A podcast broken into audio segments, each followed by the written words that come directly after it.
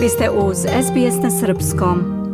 Slušate SBS radio na Srpskom. Ja sam Biljana Ristić. U narednih nekoliko minuta aktuelnosti iz Australije.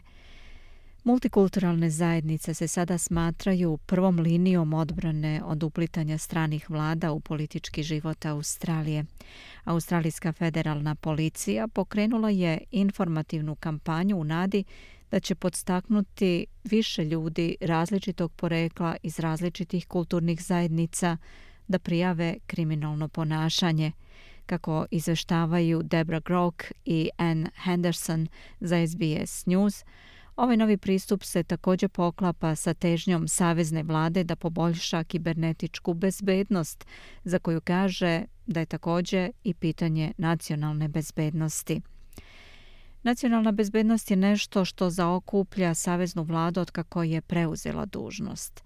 Nakon kibernetičke provale u datoteke kompanija Optus i Medibank, premijer Anthony Albanizi je zabrinut da Australija nema stvarnu funkcionalnu reakciju na takve vrste incidenata, a strani akteri bi to mogli da iskoriste. This is really fast moving.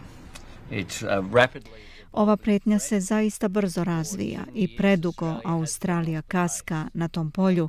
Naša vlada je odlučna da to promeni, kaže Albanizi.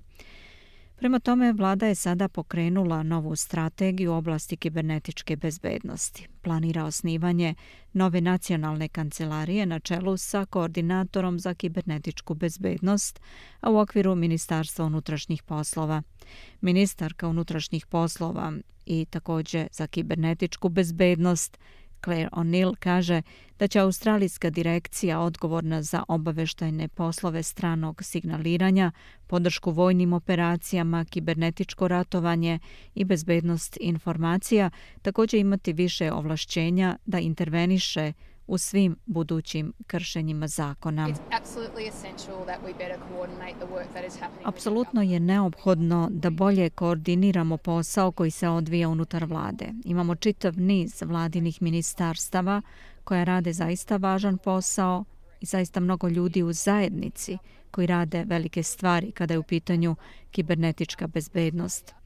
Problem je u tome da u ovom trenutku svi oni veslaju u različitim pravcima – potreban nam je koordinator unutar vlade da budemo sigurni da sav taj dobar rad doprinosi bezbednijoj Australiji, kaže ona.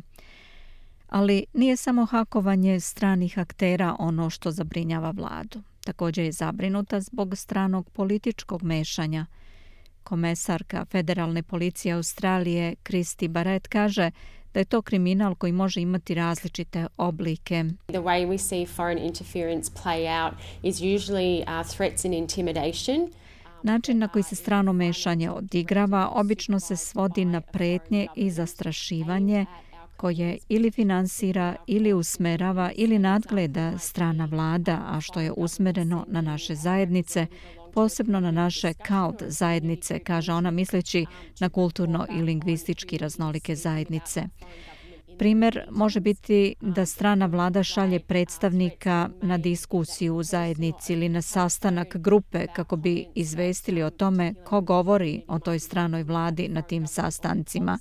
To onda može da se svede na pretnje, bilo lične ili preko telefona zbog komentara koje su određeni članovi zajednice možda izrekli o stranoj vladi ili njenoj politici.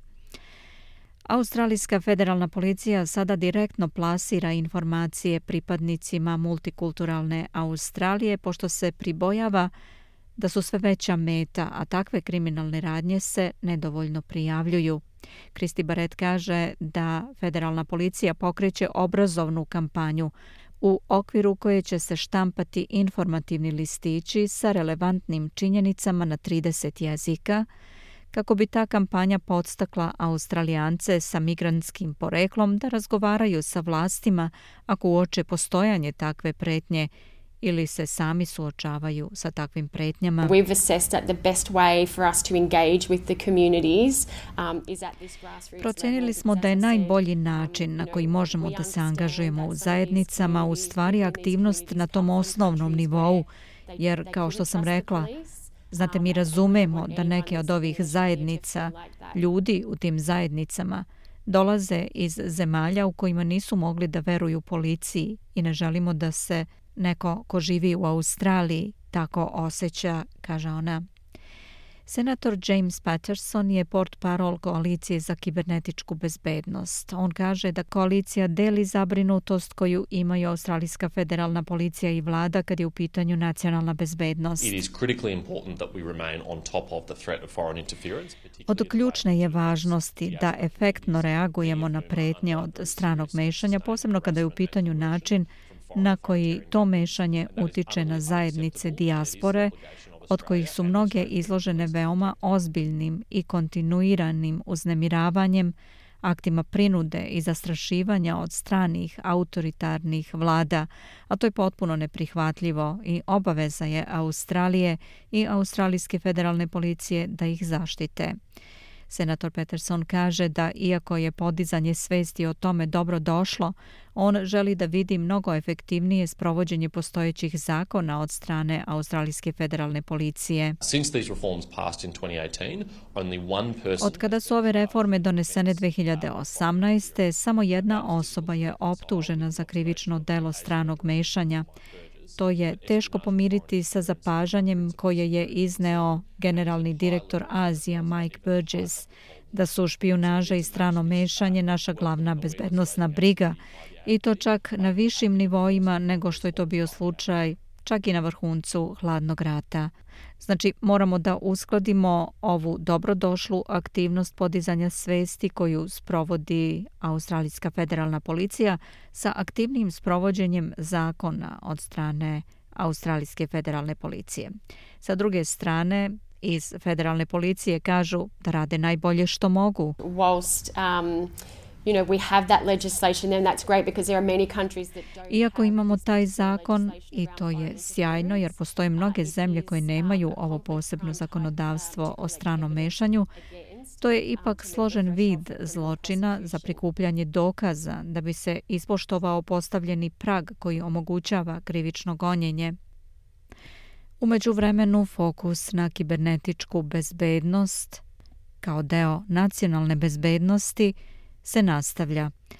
Vlada je objavila dokument za diskusiju o kibernetičkoj bezbednosti za koji premijer Anthony Albanizi kaže da opisuje sedmogodišnju strategiju koju nameravaju da počnu da sprovode od sljedeće godine.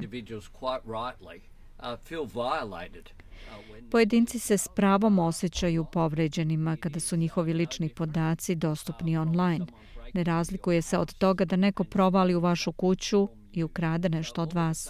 Tako da svi razumemo koliko je ovo od kritičnog značaja, kaže Albanizi.